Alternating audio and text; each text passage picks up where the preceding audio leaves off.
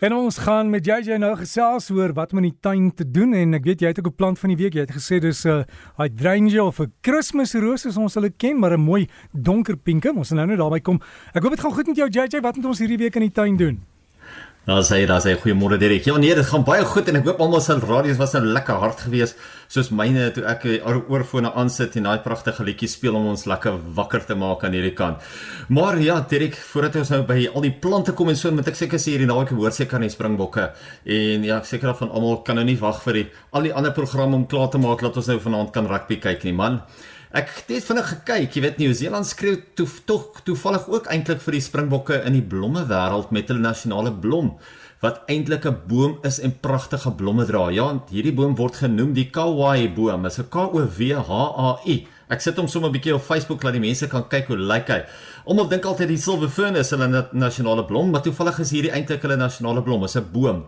Nou waar die skakel tussen die boom en die springbokke kom is natuurlik die helder goudgeel blomme met die groen agtergrond. So selfs hulle nasionale blom is toevallig ook groen en goud. So toe ons het nog ondersteuners aan daai kant van die water ook.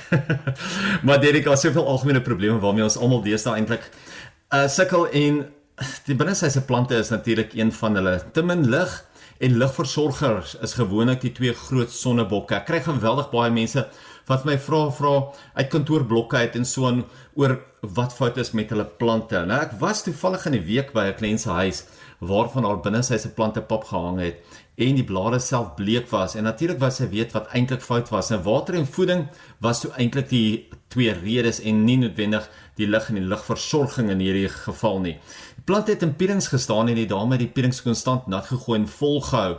Gedink dit sal natuurlik verhoed dat die plante sal uitdroog, maar die probleem met die water wat konstant onder hierdie pierings lê, is dat die grond onder in die potte suur word en die plante dan so affekteer.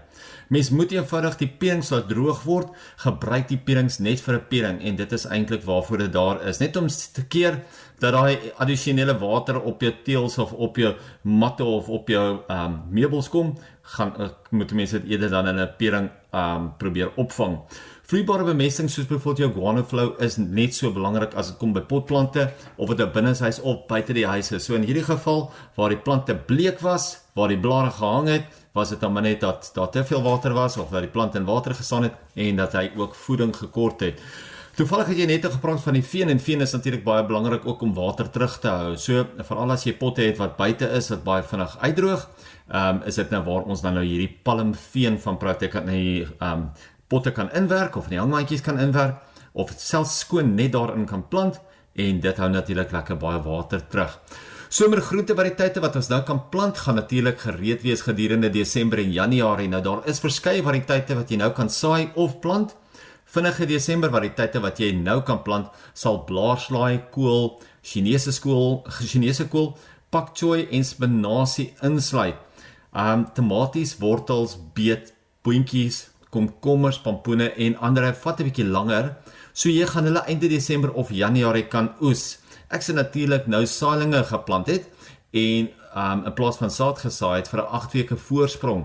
En as jy die spasie het, kan jy sommer die saad ook saai om oor te neem sodra die saailinge wat jy geplant het klaar vrug gedra het. Onthou hulle dra net vir 'n sekere hoeveelheid tyd en dan kan die saad wat jy gesaai het in saailing groot gegroei het en al klaar oorneem by die plante wat klaar gedraai gedra het.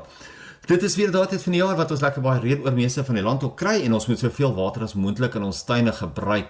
Nou ek sien deur die week iemand wat watertanks verkoop en 'n groot teken op die tanks opgesit het wat sê gratis water. Natuurlik kyk mense dadelik 'n tweede keer na die tanks, maar wat hulle eintlik hier verkoop is gratis water wanneer jy die tanks onder 'n geet installeer om die reën op te vang. So is definitief tyd om wel daai gratis water te oorweeg om daai tank te oorweeg om dit in jou tuin te sit, want dit word al hoe duurder, maar ook baie moeilik wanneer daar water tekort is is om jou tuin nat te hou en jou potplante nat te hou. Die grootste bonus is natuurlik dat jy jou tuin nie net met gratis water kan nat gooi nie, maar ook met reënwater kan nat gooi wat uit en uit die beste vir jou tuin is. So gaan gesels bietjie met 'n kwekery met 'n koöperasie met 'n hardewarewinkel en kyk of hulle jou nie kan help met 'n watertank vir onder jou geete nie. Ek weet hulle praat die hele tyd van waterprobleme en ek weet daar is nou weer kwai waterprobleme in gedeeltes van Pretoria en nog baie ander dorpe ook. So dis dalk tyd om nou daarna te kyk. Direk het jy het gepraat van ons plant van die week nou as mense daai pragtige warm pink Kersrose op die internet sien of op sosiale media sien en raak mense sommer net jaloers. Maar daai spesifieke donker pink variëteit is deesdae by die kwekery beskikbaar. So ons plant van die week vir hierdie week is die Hydrangea macrophylla. Hy's 'n endless summer variëteit, maar dit is jou summer love.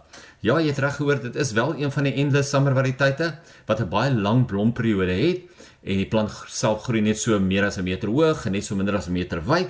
As baie Christmas rose variëteite groei ook net te groot en slordig vir potte, maar die een is lekker kompak, so jy kan hom wel ook in potte plant. Nou soos met die ander variëteite hou hierdie een ook van halfdag son met oggendson natuurlik die beste plek en plant weer eens ook in suurkompos of van daai suurveen wat jy net nou van gepraat het. So, uh, hy sal sy donker pink kleur hou en hy sal nie sommer verander volgens die grond se pH nie. Onthou, Christmas rose verander mos maar eintlik hulle kleur um volgens die grond se pH, maar hierdie ene behoort meerendeels daai donker pink kleur te hou. So, gaan vra 'n bietjie by die kwekery, kyk uit of hulle dalk vir jou kan help met die Summer Love variëteit. So gesels JJ van Rensburg help ons om tuin te maak. Onthou jy kan geloer op sy webtuiste ook daarvan of hom kontak. Is Gardens by JJ. En uh, maak maar net kontak, weet baie keer het 'n vraag oor 'n plant, maar daar sal jy ook kan sien wat is ons plant van die week en dan kan jy by jou kwekery stop en sê kyk hier is die foto, dis een wat ek soek en lekker plant.